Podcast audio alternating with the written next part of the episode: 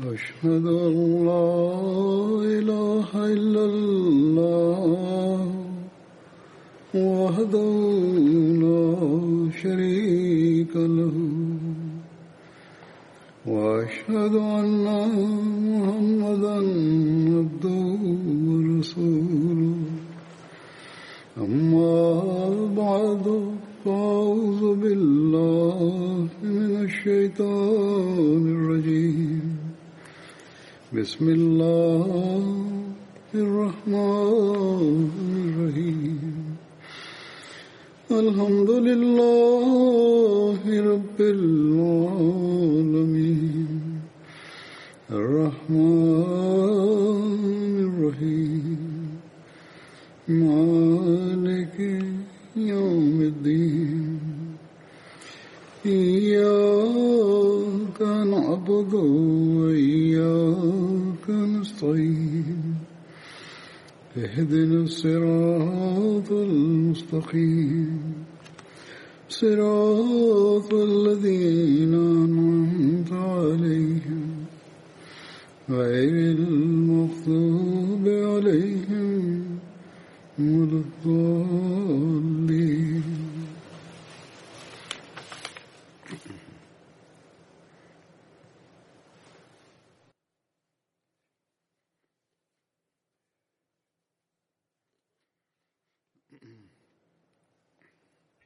كنا بصدد ذكر سعد بن معاذ في الخطبة الماضية. كتب ميرزا بشير أحمد في سيرة خاتم النبيين حول غزوة الأحزاب وسعد بن معاذ ما يلي. وخلال هذه الغزوة لم يتحمل المسلمون خسارة كبيرة أي لم يستشهد إلا خمسة أو ستة رجال.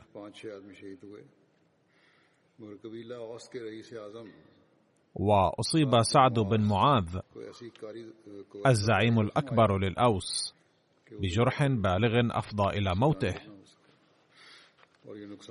وكان ذلك خسارة لا تعوض للمسلمين. وقتل من الأحزاب ثلاثة رجال فقط إلا أن قريشا قد أصيبوا بصدمة عظيمة لدرجة لم يجرؤوا بعد ذلك على جمع الأحزاب وغزو المدينة المنورة أبدا.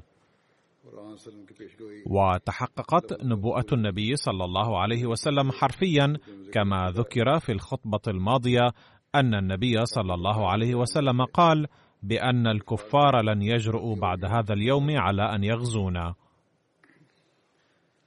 لقد أصيب سعد بن معاذ يوم الخندق بجرح في ذراعه واستشهد بسببه. تقول عائشة رضي الله عنها بهذا الخصوص: خرجت يوم الخندق أقف الناس فسمعت وإذا الأرض ورائي فإذا أنا بسعد بن معاذ ومعه ابن أخيه الحارث بن أوس يحمل مجنة. قالت فجلست إلى الأرض فمر سعد وهو يرتجز ويقول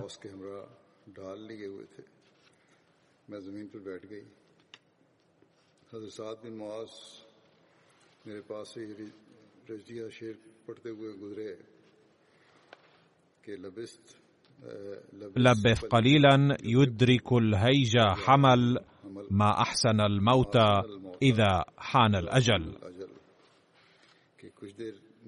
أي انتظر قليلا حتى يحضر حمل للحرب وما أحسن الموت إن وقع عندما يكون الأجل قد حان فعلا. تقول عائشة وعلى سعد بن معاذ درع من حديد قد خرجت منها أطرافه. أي كان عظيم الجثة ثقيلا ذا صدر عريض. لذلك كان جسمه يخرج من أطراف الدرع. تقول كنت أتخوف على أطراف سعد الخارجة من الدرع أن تصاب. وكان سعد من أطول الناس وأعظمهم جثة. لقد رمى ابن عرقة سعد بن معاذ فأصابه بجرح. وابن عرقة هو حبان بن مناف وكان من بني عامر بن لؤي وعرقة اسم والده.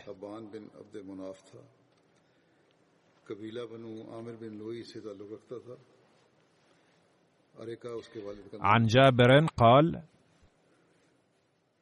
رمي سعد بن معاذ في ہے قال فاستخرج النبي صلى الله عليه وسلم بيده السهم. ثم قطع بنصله الجرح فحسمه أي كواه.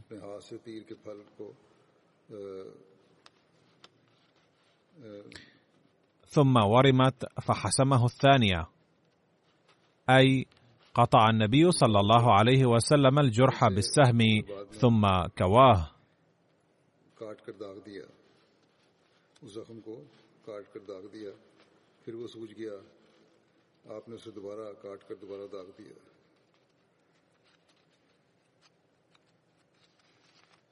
كان رجل من المشركين يدعى ابن عرقة يرمي سعد بن معاذ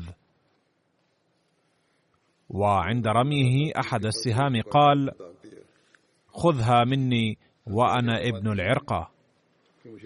فأصابه في الأكحل في ذراعه.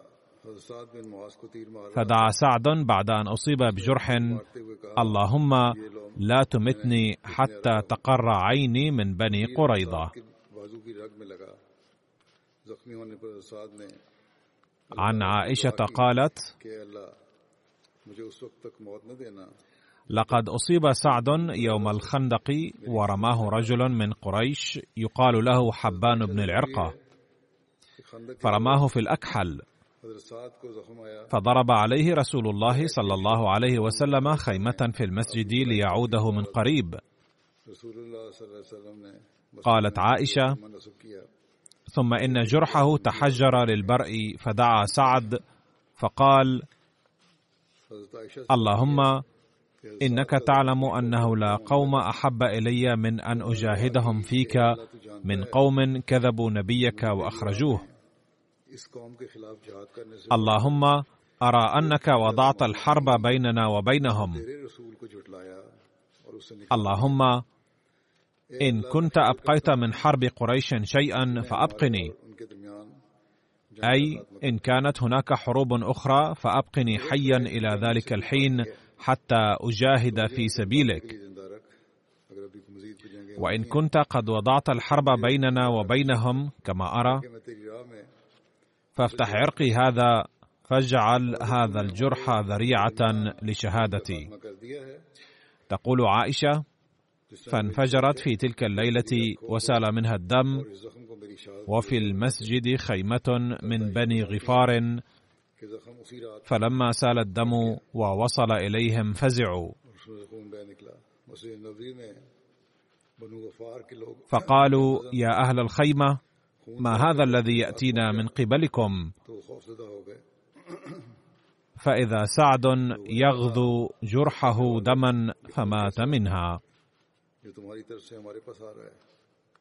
عن ابن عباس قال لما نزف جرح سعد قام إليه رسول الله صلى الله عليه وسلم وعجل إليه فاعتنقه والدم ينفح من وجه رسول الله صلى الله عليه وسلم ولحيته. لا يريد أحد أن يقي رسول الله صلى الله عليه وسلم الدم إلا ازداد منه رسول الله صلى الله عليه وسلم قربا حتى توفي سعد. وفي رواية أخرى لما انفجر جرح سعد فبلغ ذلك النبي صلى الله عليه وسلم تشریف فأخذ رأسه فوضعه في حجره وسجي بثوب أبيض ثم دعا النبي صلى الله عليه وسلم اللهم إن سعدا قد جاهد في سبيلك وصدق رسولك وقضى الذي عليه فتقبل روحه بخير ما تقبلت به روحه وكان بسعد في ذلك الوقت رمق الحياة فسمع هذه الكلمات وهو على وشك الموت. ففتح عينيه ثم قال السلام عليكم يا رسول الله. أما إني أشهد أنك رسول الله. فلما رأى أهل سعد أن رسول الله صلى الله عليه وسلم قد وضع رأسه في حجره ذعروا من ذلك. فذكر ذلك لرسول الله صلى الله عليه وسلم أن أهل سعد ذعروا من وضعك رأس سعد في حجرك.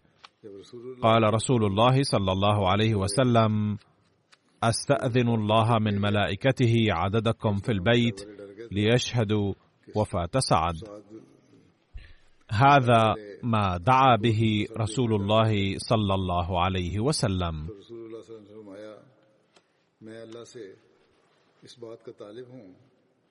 عن أنس رضي الله عنه قال أهدي إلى النبي صلى الله عليه وسلم جبة سندس أو ديباج. وكان ينهى عن لبس الحرير فتعجب الناس منها فقال والذي نفسي بيده لمناديل سعد بن معاذ في الجنة أحسن منها. وهذا الحديث في البخاري.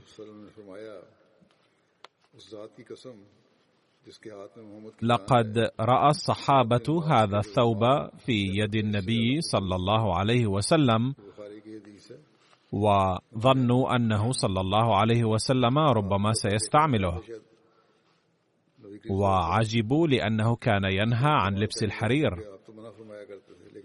على أي حال ذكر النبي صلى الله عليه وسلم هذا المثال لما رأى عجبهم وحيرتهم كما يتضح من الحديث الآخر من مسلم أنهم أخذوا يتعجبون من ذلك. وكما ورد عن البراء قال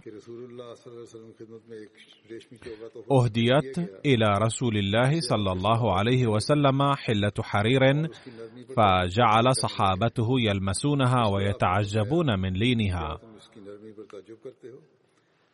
فقال رسول الله صلى الله عليه وسلم أتعجبون منها؟ فإن مناديل سعد بن معاذ في الجنة ألين من هذا أو خير من هذا. عن جابر رضي الله عنه سمعت النبي صلى الله عليه وسلم يقول اهتز العرش لموت سعد بن معاذ. هذه رواية البخاري. وورد في مسلم عن أنس بن مالك أن نبي الله صلى الله عليه وسلم قال وجنازته موضوعة يعني سعدا اهتز لها عرش الرحمن. لقد فصل ميرزا بشير أحمد في هذه الأمور وسلط عليها قليلا من الضوء فكتب لقد أصيب سعد بن معاذ رئيس قبيلة الأوس يوم الخندق بجرح في ذراعه ولم يكن يبرأ رغم المداواة له بل كان يندمل ثم ينفتح مرة بعد أخرى. فلما كان صحابيا مخلصا جدا وكان النبي صلى الله عليه وسلم يولي عيادته اهتماما خاصا لذا أمر بعد العودة من غزوة الأحزاب أن يسكن في خيمة في صحن المسجد لكي يستطيع صلى الله عليه وسلم عيادته بسهولة. فأقيم في خيمة المسلمة رفيدة التي كانت ماهرة في عيادة المرضى وتمريضهم أي كانت تلك الخيمة لإقامة المرضى. فكانت هذه السيدة تنصب خيمة في صحن المسجد عادة لعلاج الجرحى المسلمين. لكن صحة سعد لم تتحسن رغم هذه العناية المشددة وخلال ذلك حدثت حادثة بني قريظة حيث اضطر سعد لتحمل مشقة كبيرة وتعب شديد. فازداد ضعفا فدعا ذات ليلة بمنتهى الضراعة.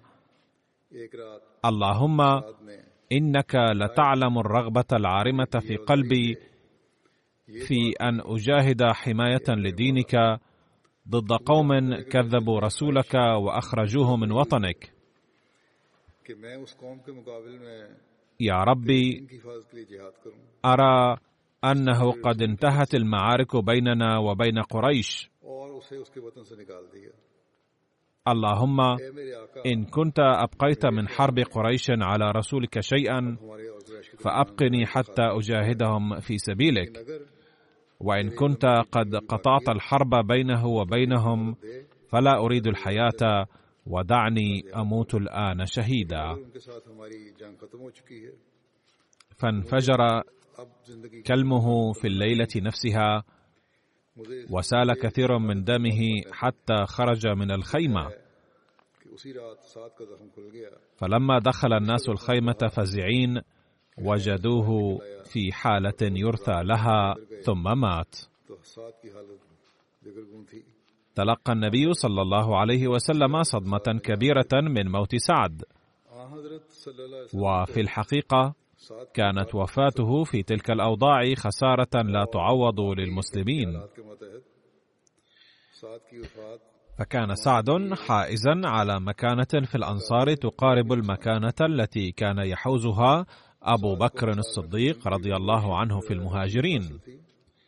فكان سعد يحوز في الإخلاص والتضحية وخدمة الإسلام وحب النبي صلى الله عليه وسلم مكانة سامية قلما يرتقي إليها إنسان. فكان يتبين من كل حركة له وسكون أن حب الإسلام ومؤسسه غذاء لروحه ولكونه سيد قبيلته. كانت أسوته في الأنصار مؤثرة فيهم عمليا بشكل كبير. فكان تلقي النبي صلى الله عليه وسلم الصدمة من وفاة الابن الروحاني البارع المتميز أمرا طبيعيا لكنه صبر صبرا كاملا واستسلم لمشيئة الله تعالى بكل رضا.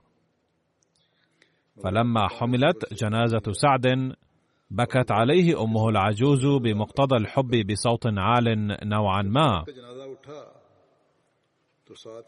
وذكرت بعض محاسن سعد ومزاياه بحسب العادة السائدة.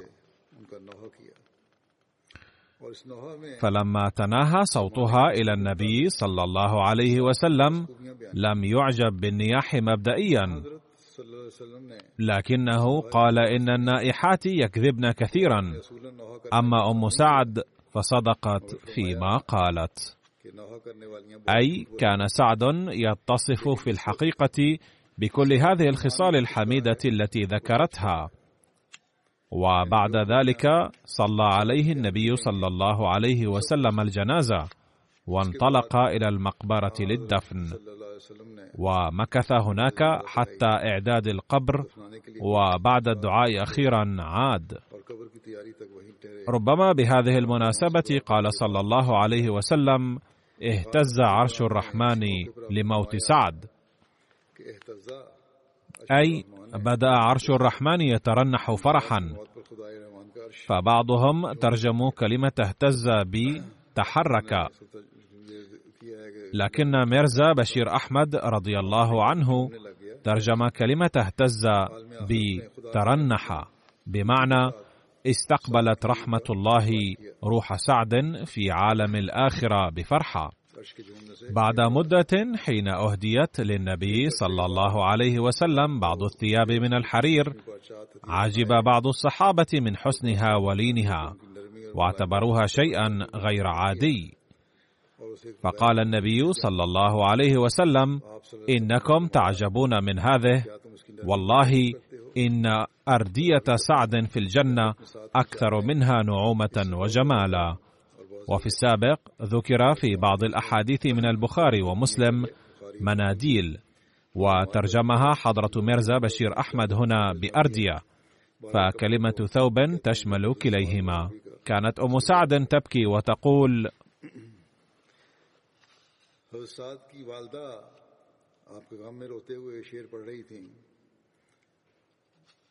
ويل أم سعد سعدا براءة ونجدا ويل أم سعد سعدا براعة ونجدا بعد أياد يا له ومجدا مقدما سد به مسدا فقال رسول الله صلى الله عليه وسلم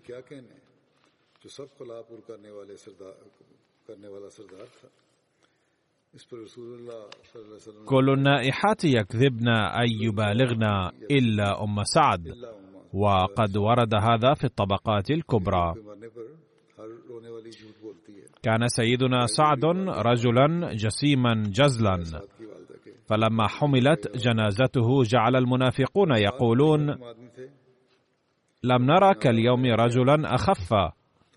وذلك لحكمه في بني قريظة.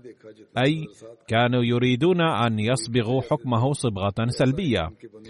فذكر ذلك للنبي صلى الله عليه وسلم فقال والذي نفسي بيده لقد كانت الملائكة تحمل سريره.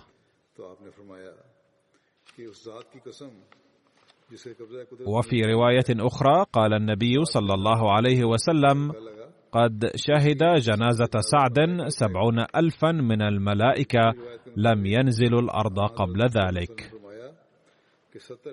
وعن عائشة رضي الله عنها أنها رأت النبي صلى الله عليه وسلم يتقدم جنازة سعد بن معاذ. ويقول أبو سعيد الخدري كنت أنا ممن حفر له قبر سعد في جنة البقيع وكان يفوح علينا المسك كلما حفرنا قبره من تراب حتى انتهينا إلى اللحد. فلما فرغنا من حفرته طلع رسول الله صلى الله عليه وسلم علينا فوضعت جنازة سعد عند القبر وصلى عليه النبي صلى الله عليه وسلم. يقول الراوي قد رأيت من الناس ما ملأ البقيع. عن عبد الرحمن بن جابر عن أبيه قال لما أعد قبر سعد نزل فيه أربعة نفر الحارث بن أوس بن معاذ وأسيد بن حضير وأبو نائلة سلكان بن سلامة وسلمة بن سلامة بن وقش. ورسول الله صلى الله عليه وسلم واقف على قدمي سعد. فلما وضع في قبره تغير وجه رسول الله صلى الله عليه وسلم. وسبح ثلاثا فسبح المسلمون ثلاثا حتى ارتج البقيع. ثم كبر رسول الله صلى الله عليه وسلم ثلاثا وكبر أصحابه ثلاثا حتى ارتج البقيع بتكبيره. فسئل رسول الله صلى الله عليه وسلم عن ذلك فقيل يا رسول الله رأينا بوجهك تغيرا وسبحت ثلاثا. قال تضايق على صاحبكم قبره وضم ضمة لو نجا منها أحد لنجا سعد منها ثم فرج الله عنه.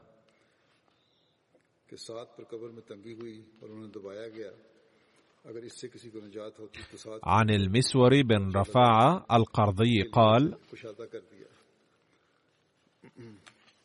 جاءت أم سعد بن معاذ تنظر إلى سعد في اللحد فردها الناس. فقال رسول الله صلى الله عليه وسلم دعوها. فأقبلت حتى نظرت إليه وهو في اللحد قبل أن يبنى عليه اللبن والتراب فقالت احتسبتك عند الله. وعزاها رسول الله صلى الله عليه وسلم على قبره وجلس ناحية ورد المسلمون تراب القبر وسووه ورشوا عليه الماء. ثم أقبل رسول الله إلى القبر فوقف عليه فدعا له ثم انصرف. عن عائشة أنه لم يكن على النبي صلى الله عليه وسلم بعد صاحبيه أبي بكر وعمر رضي الله عنهما فراق أحد من المسلمين شاقا كفراق سعد بن معاذ. وتوفي سعد بن معاذ وهو ابن سبع وثلاثين سنة. قال النبي صلى الله عليه وسلم لأم سعد بن معاذ ألا يرفأ دمعك ويذهب حزنك فإن ابنك أول من ضحك الله له واهتز له العرش. ولما دفنه رسول الله صلى الله عليه وسلم وانصرف من جنازته جعلت دموعه تحادر على لحيته. قال سعد بن معاذ رضي الله عنه في رواية ثلاث أنا عما سواهن ضعيف. يعني إنني متمسك بثلاثة أشياء وأعمل بها دوما وما هي؟ الأول ما سمعت من رسول الله صلى الله عليه وسلم شيئا إلا علمت أنه حق أي لم أتردد قط. والثاني ولا صليت صلاة فحدثت نفسي بغيرها حتى أنفتل عنها. أي كنت أصلي بتركيز شديد. والثالث ولا تبعت جنازة فحدثت نفسي بغير ما إياه قائلة ومقول لها. هكذا كان يهتم بآخرته. وعن عائشة قالت ثلاثة من الأنصار لم يكن أحد يعتدي عليهم فضلا. كلهم من بني عبد الأشهل سعد بن معاذ وأسيد بن حضير وعباد بن بشر.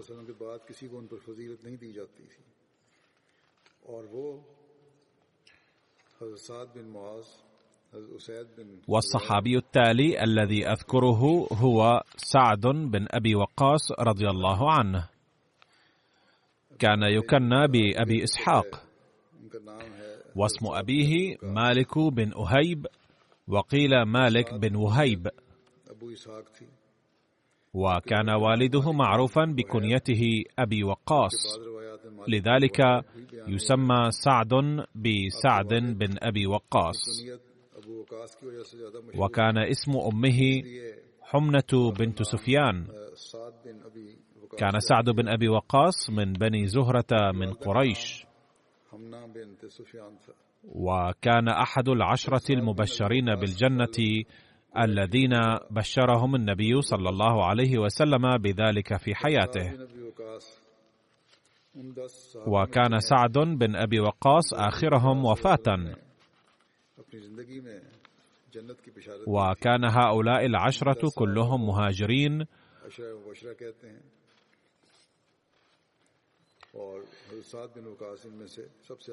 وكان النبي صلى الله عليه وسلم راضيا عنهم عند وفاته.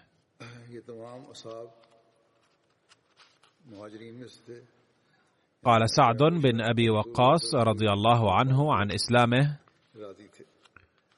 ما أسلم أحد إلا في اليوم الذي أسلمت فيه. ولقد مكثت سبعة أيام وإني لا ثلث الإسلام۔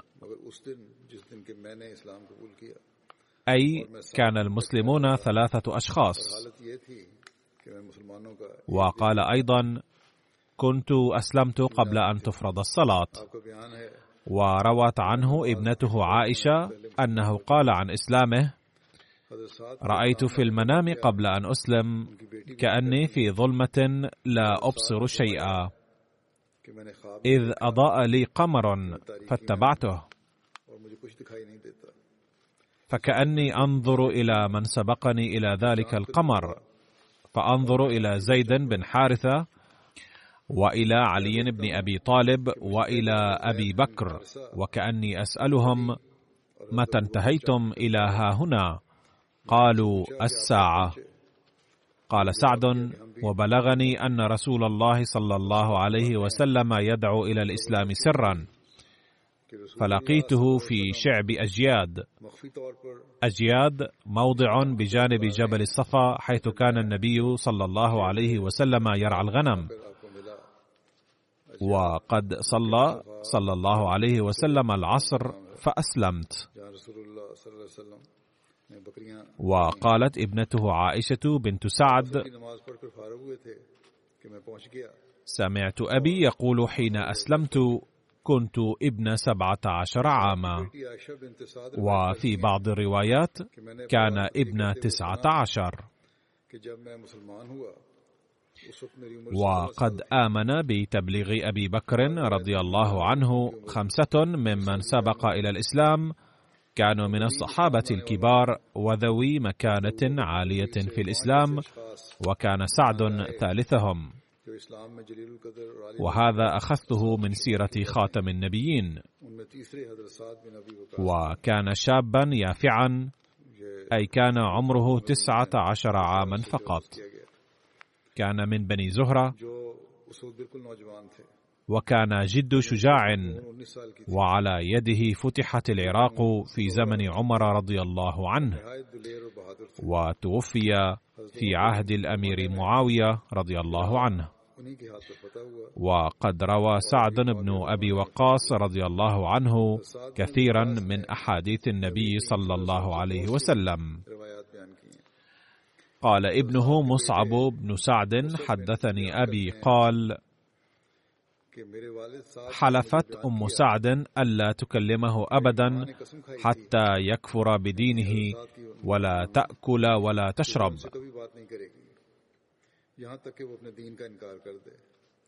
فلم تكن تأكل ولا تشرب. قالت زعمت أن الله وصاك بوالديك وأنا أمك وأنا آمرك بهذا. أي تترك الإسلام وأطعني.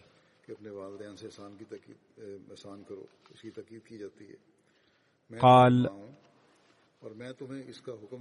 مكثت ثلاثا حتى غشي عليها من الجهد. فقام ابن لها يقال له عمارة فسقاها. فجعلت تدعو على سعد. فأنزل الله عز وجل في القرآن هذه الآية.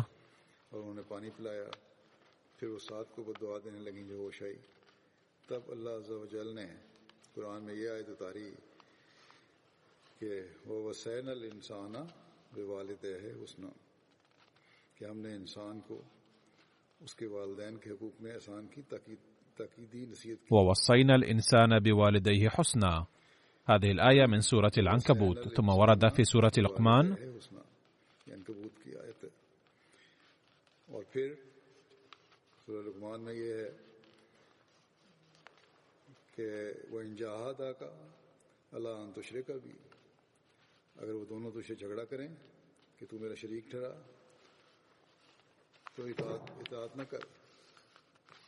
وإن جاهداك على أن تو بھی پھر ان کی بات نہیں ماننی۔ کہ اگر وہ کہیں تو میرا شریک ٹھہرا، تو پھر ان کی اطاعت نہیں کرنی۔ اور اس میں پھر یہ بھی ہے آگے کہ وصاحبهما في الدنيا معروفا ہے وإن جاهداك على أن تشرك بي ما ليس لك به علم فلا تطعهما وصاحبهما في الدنيا معروفا. أي ابقى على صلة بهما وبر بهما. وإذا جاهداك على الشرك فلا تطعهما في ذلك. وإلا في الأمور الدنيوية فيجب مصاحبتهما بالمعروف.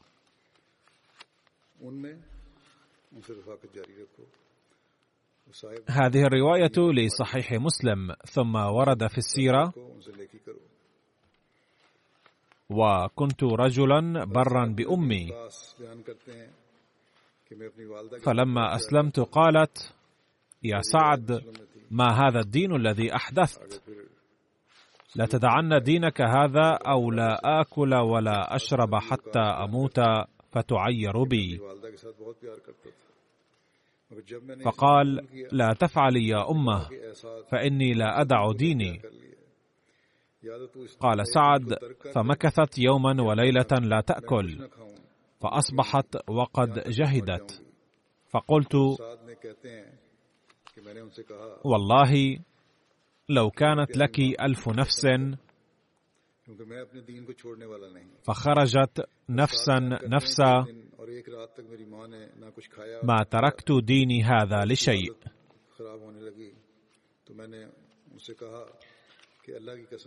فلما رأت ذلك أكلت وشربت. فأنزل الله هذه الآية.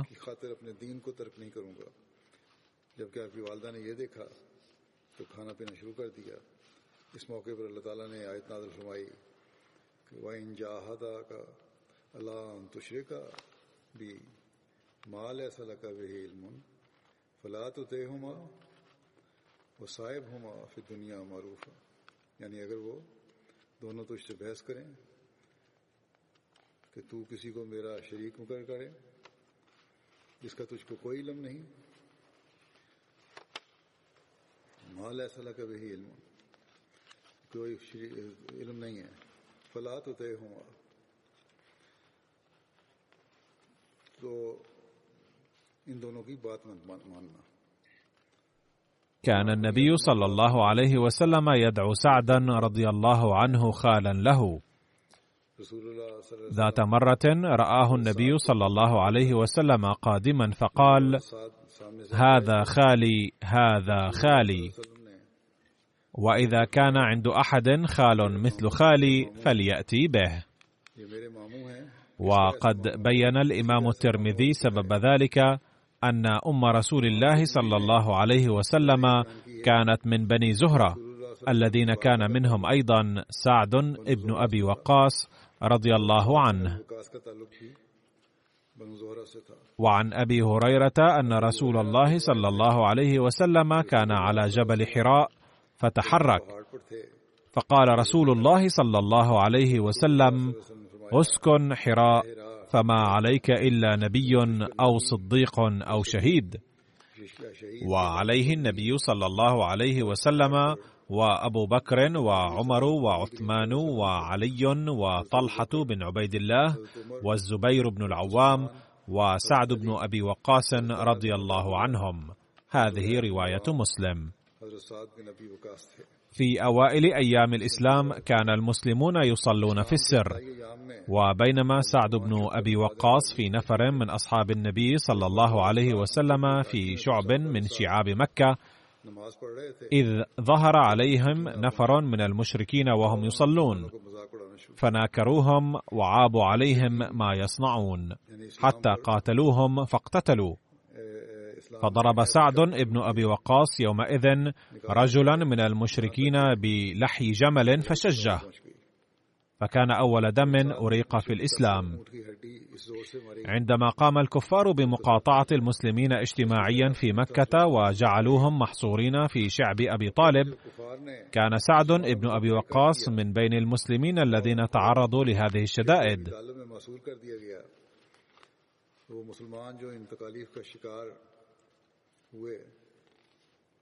وقد كتب حضرة صاحب زادة ميرزا بشير أحمد في كتابه سيرة خاتم النبيين بهذا الشأن ما يلي.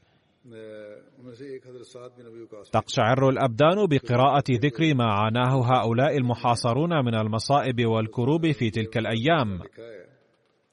قال الصحابة إنهم كانوا يعيشون أحيانا على أكل أوراق الشجر كحيوانات الغاب. قال سعد بن أبي وقاص ذات مرة وقعت قدمي على شيء لين طري وقت الليل ولعله كان قطعة تمر وكان الجوع قد بلغ مني كل مبلغ فأخذته وابتلعته ولا أدري حتى اليوم ماذا كان ذلك الشيء. وفي مناسبة أخرى قد بلغ الجوع من سعد مبلغا أن وجد على الأرض قطعة جلد جاف فنظفه بالماء ولينه ثم شواه وأكله وعاش على هذه الضيافة الغيبية ثلاث ليال. عندما أمر المسلمون بالهجرة هاجر سعد رضي الله عنه إلى المدينة. ونزل على أخيه المشرك عتبة بن أبي وقاص. وكان عتبة قد قتل شخصا في مكة ففر إلى المدينة وأقام فيها. وكان سعد رضي الله عنه من أول المهاجرين إلى المدينة. وقد وصلها قبل هجرة النبي صلى الله عليه وسلم إليها. واخى النبي صلى الله عليه وسلم بين سعد بن أبي وقاص ومصعب بن عمير رضي الله عنهما. وفي رواية أخرى أن النبي صلى الله عليه وسلم آخى بين سعد بن أبي وقاص وسعد بن معاذ رضي الله عنهما. وقد قال المولوي غلام علي المحترم لعل سبب الاختلاف في الروايتين هو أن النبي صلى الله عليه وسلم أخى بين سعد ومصعب رضي الله عنهما في مكة وآخى بينه وبين سعد بن معاذ في المدينة. كان سعد بن أبي وقاص رضي الله عنه من فرسان قريش البواسل. وكان من الصحابة الذين كانت تعهد إليهم مهمة حراسة والدفاع عن النبي صلى الله عليه وسلم أثناء الغزوات. وروى أبو إسحاق أن أربعة من صحابة النبي صلى الله عليه وسلم كانوا من المحاربين الشداد وهم عمر وعلي والزبير وسعد رضي الله عنهم. بعد الهجرة إلى المدينة كان المسلمون يعيشون في خوف دائم من هجوم الكفار. وفي أوائل أيام الهجرة كانوا يبيتون ساهرين معظم الليالي. وكان رسول الله صلى الله عليه وسلم أيضا يبيت ساهرا على العموم. وهناك رواية عن عائشة رضي الله عنها قالت سهر رسول الله صلى الله عليه وسلم مقدمه المدينة ليلة.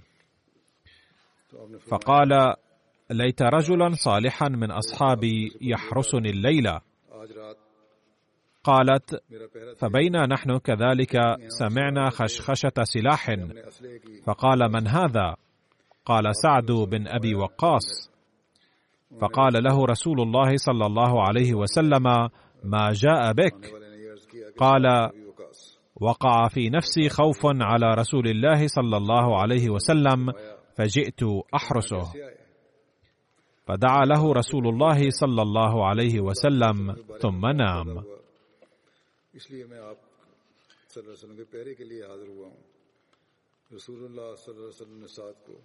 هذه القصة قد وردت في البخاري ومسلم أيضا. ولكن ليس فيهما تفصيل ما دعا به الرسول صلى الله عليه وسلم لسعد. غير أنه ورد في مناقب سعد للترمذي أن قيس بن سعد روى أن أبي قال إن النبي صلى الله عليه وسلم دعا له.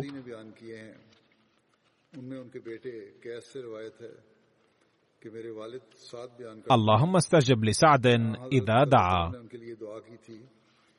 وورد في الإكمال في أسماء الرجال أن النبي صلى الله عليه وسلم قال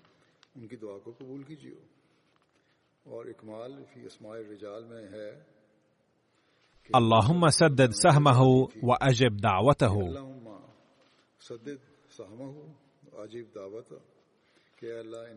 وبسبب دعاء النبي صلى الله عليه وسلم هذا كان سعد بن أبي وقاص رضي الله عنه مشهورا باستجابة الدعاء. وذات مرة افترى عليه شخص فقال سعد اللهم إن كان كاذبا فأعمي بصره وأطل عمره وعرضه للفتن. وبالفعل أصيب هذا الشخص بهذه البلايا كلها. وفي رواية عن قيس بن أبي حازم أنه كان يمر بسوق المدينة حتى وصل إلى مكان يسمى هجار الزيد. فرأى الناس عكوفا على رجل يركب دابته ويسب عليا رضي الله عنه. فوصل هناك سعد بن أبي وقاص رضي الله عنه ووقف بين القوم وقال لهم ما هذا؟ قالوا إن هذا يسب عليا. فتقدم سعد وأفسح له القوم الطريق حتى قام أمام الرجل وقال يا هذا لماذا تسب عليا؟ أليس هو أول من أسلم؟ أليس هو أول من صلى مع النبي صلى الله عليه وسلم؟ أليس هو أتقى الناس؟ وأليس هو أعلم الناس؟ وظل سعد يعدد محاسن علي رضي الله عنه وقال أليس هو من شرفه النبي صلى الله عليه وسلم بتزويج ابنته منه؟ أليس هو من كان يحمل الراية في الغزوات مع رسول الله صلى الله عليه وسلم؟ قال الراوي ثم توجه سعد إلى القبلة ورفع يديه ودعا اللهم إن كان هذا قد سب وليا من أوليائك أي عليا رضي الله عنه فأرنا آية قدرتك قبل أن ينفض هذا الجمع. هذه الرواية في المستدرك ويقول الراوي قيس فوالله لم ينفض الجميع حتى ألقته راحلته على الأرض وضربته بقوائمها فانكسر رأسه ومات. کہ اس شخص کی سواری نے اسے نیچے گرا دیا اور اس کے سر کو اپنے پیروں سے پتھر پر مارا۔ حرس سعد رضي الله عنه النبي صلى الله عليه وسلم ليلا فور هجرته إلى المدينة وقد ذكر حادث مماثل في التاريخ في بيان غزوة الخندق۔ ويقول سيدنا المصلح الموعود رضي الله عنه في ذكره تقول عائشة رضي الله عنها أنه كلما أصيب النبي صلى الله عليه وسلم بالإرهاق أثناء الحراسة هذا يعني أنه صلى الله عليه وسلم كان أيضا يقوم بالحراسة مع الصحابة لشدة البرد عاد إلى البيت ليستلقي قليلا معي في اللحاف. وإذا سخن جسمه قليلا عاد إلى الحراسة وهكذا كان يسهر طويلا. ذات يوم كان مرهقا كثيرا وقال في الليل ليت رجلا صالحا من أصحابي يحرسني الليلة قالت فبينا نحن كذلك سمعنا خشخشة سلاح. فقال من هذا؟ قال سعد بن أبي وقاص. فقال له رسول الله صلى الله عليه وسلم ما جاء بك؟ قال وقع في نفسي خوف على رسول الله صلى الله عليه وسلم فجئت أحرسه. فقال له ما معناه؟ ما بي حاجة إلى الحراسة. فاذهب إلى مكان كذا حيث جزء من الخندق مكسور واحرسه ليكون المسلمون في مأمن. ذهب سعد لحراسة ذلك المكان فنام رسول الله صلى الله عليه وسلم لبرهة. وسأذكر بقية سوانح سعد بن أبي وقاص مستقبلا بإذن الله. والآن سأذكر بعضا ممن توفوا في الفترة الأخيرة وسأصلي عليهم صلاة الغائب. الجنازة الأولى هي للسيد عبد السميع خان الكتهجري راجعون وقد توفي في ربوة بتاريخ السادس من الشهر السابع 2020 عبد الرحیم صاحب إنا لله وإنا إليه راجعون. ولد المرحوم في قاديان في عام 1937 چودھری عبدالسلام خان صاحب كان والده السيد عبد الرحيم الكتكري من خدام الجماعة القدامى. وقد حظي جده تشودري عبد السلام خان الكتكري بشرف البيعة على يد المسيح الموعود عليه السلام في عام 1903 انیس سو تین فكان من صحابته عليه السلام. نال المرحوم عبد السميع تعليمه الابتدائي في قاديان ثم انتقل إلى ربوة بعد تقسيم الهند وأكمل الثانوية هناك. وقد ترك وراءه ابنا وابنة أما زوجته فقد توفيت قبل ثلاثة أو أربعة أعوام. نال شهادة البكالوريوس في العلوم في عام 1960 وبدأ التدريس في مدرسة تعليم الإسلام مؤقتا ثم نال شهادة التدريس في عام 1962 وأصبح أستاذا رسميا. ثم نال شهادة الماجستير في عام 1969 من جامعة البنجاب بلاهور وشغل منصب كبار المعلمين. ثم عين مديرا للمدرسة الثانوية تعليم الإسلام في عام 1972 ربا کے في عام 1970 تم تأميم المدرسة فأرسلته الدوائر الحكومية إلى مدرسة أخرى خارج ربوة فاستمر يدرس في مدارس مختلفة. خدم من عام 2005 إلى 2009 بصفة زعيم مجلس أنصار الله. ومن عام 2013 إلى عام 2016 كرئيس الجماعة في حارة دار الرحمة الشرقية في ربوة. كان من أساتذتي أيضا في المدرسة. كان أسلوب تدريسه جميلا جدا. كان اللين ظاهرا في وجهه دوما. كان يشرح المسائل بأسلوب جيد. غفر الله له ورفع درجاته ووفق أولاده أيضا ليكونوا مرتبطين بالجماعة والخلافة دوما. الجنازة الثانية هي للسيد مجيب الله صادق الذي توفي في الثامن والعشرين من الشهر الخامس 2020 عن عمر يناهز 83 عاما. إنا لله وإنا إليه راجعون. كان ابنا للسيد سيد صادق علي والسيدة سلمى بيغم بنت السيد سيد محبوب عالم البهاري. ولد في قرية قاديان المقدسة وشب وترعرع في أجوائها الطيبة. بايع والده المحترم سيد صادق علي السهارنبوري على يد الخليفة الأول رضي الله عنه.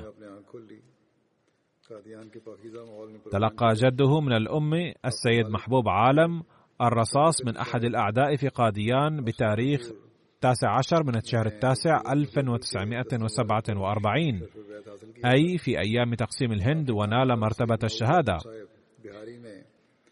كان أخو جده من الأم السيد محمود عالم محاسبا في مؤسسة صدر أنجمن أحمدية. وكان له شرف أن وصل إلى قاديان مشيا على الأقدام وبايع.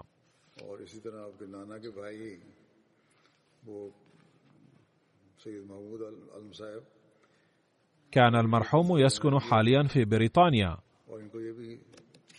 وخدم كرئيس الجماعة في منطقة إيرلسفيلد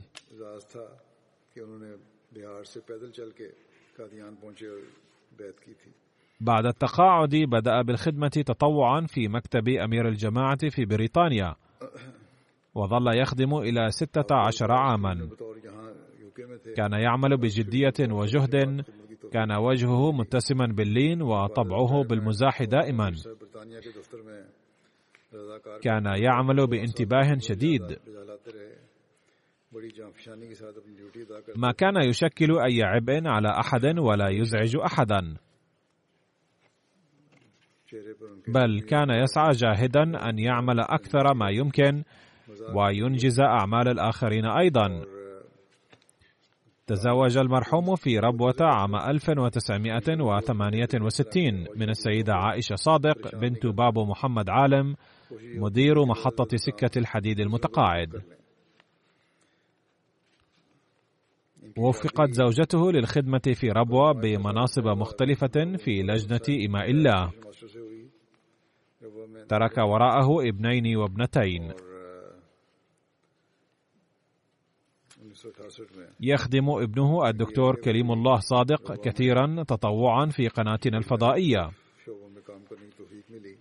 كان المرحوم ملتزما بصلاة التهجد بفضل الله تعالى.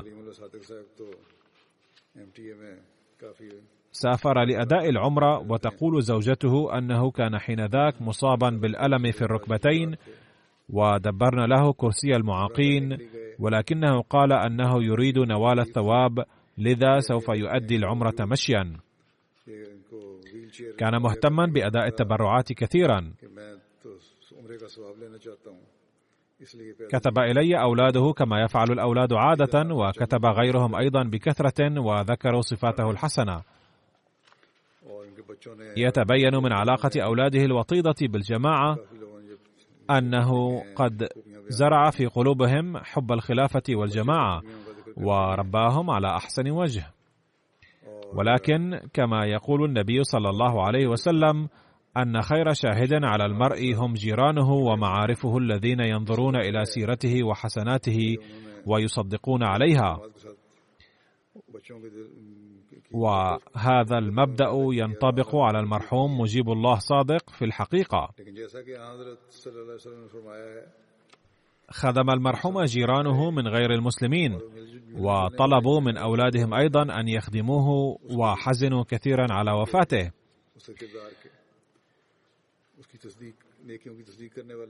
وقد ذكر كل واحد من زملائه العاملين معه في المكتب دماثة أخلاقه وجهده وجديته في العمل بوجه خاص. كان يعمل في المكتب وفي الوقت نفسه يخدم الناس أيضا إذ كان يصنع الشاي لهم ويسقيهم. عندما انتقلت إلى إسلام أباد في العام الماضي جاء مرة للقائي وكان قلقا على عدم تمكنه من أداء صلاة الجمعة ورائي كل أسبوع. فطمأنته وقلت أنني سأؤم صلاة الجمعة في معظم الأحيان في مسجد بيت الفتوح بإذن الله. وإذا استطعت أن تحضر إسلام أباد فلك ذلك. فحين سمع ذلك سادت البشاشة وجهه. بعد هجرة الخليفة الرابع رحمه الله إلى لندن اشترى المرحوم بيتا قرب مسجد الفضل ليكون أولاده قريبا من المسجد. كان يذهب للعمل لساعة أو ساعتين كل يوم ليبقى الأولاد مرتبطين بالمسجد. أما الآن فكان قلقا بشأن عدم تمكنه من أداء صلاة الجمعة وراء الخليفة بسبب بعد المسافة. كان إنسانا مخلصا وصالحا جدا وقد قضى حياته بإخلاص شديد وسعى جاهدا ليزرع هذا الإخلاص في قلوب أولاده أيضا. غفر الله له ورحمه ورفع درجاته ووفق أولاده للارتباط بالخلافة بالجماعة كما كان يتمنى. بل أكثر من ذلك وأكرم أرملته بحمايته ووهبها السكينة. الجنازة الثالثة هي للسيد رانا نعيم الدين الأسير الأسبق في سبيل الله وقد ذكرته من قبل ولكن فاتتني صلاة الجنازة عليه في الأسبوع الماضي فسأصلي عليه أيضا اليوم بعد صلاة الجمعة مع الآخرين. غفر الله له ورحمه.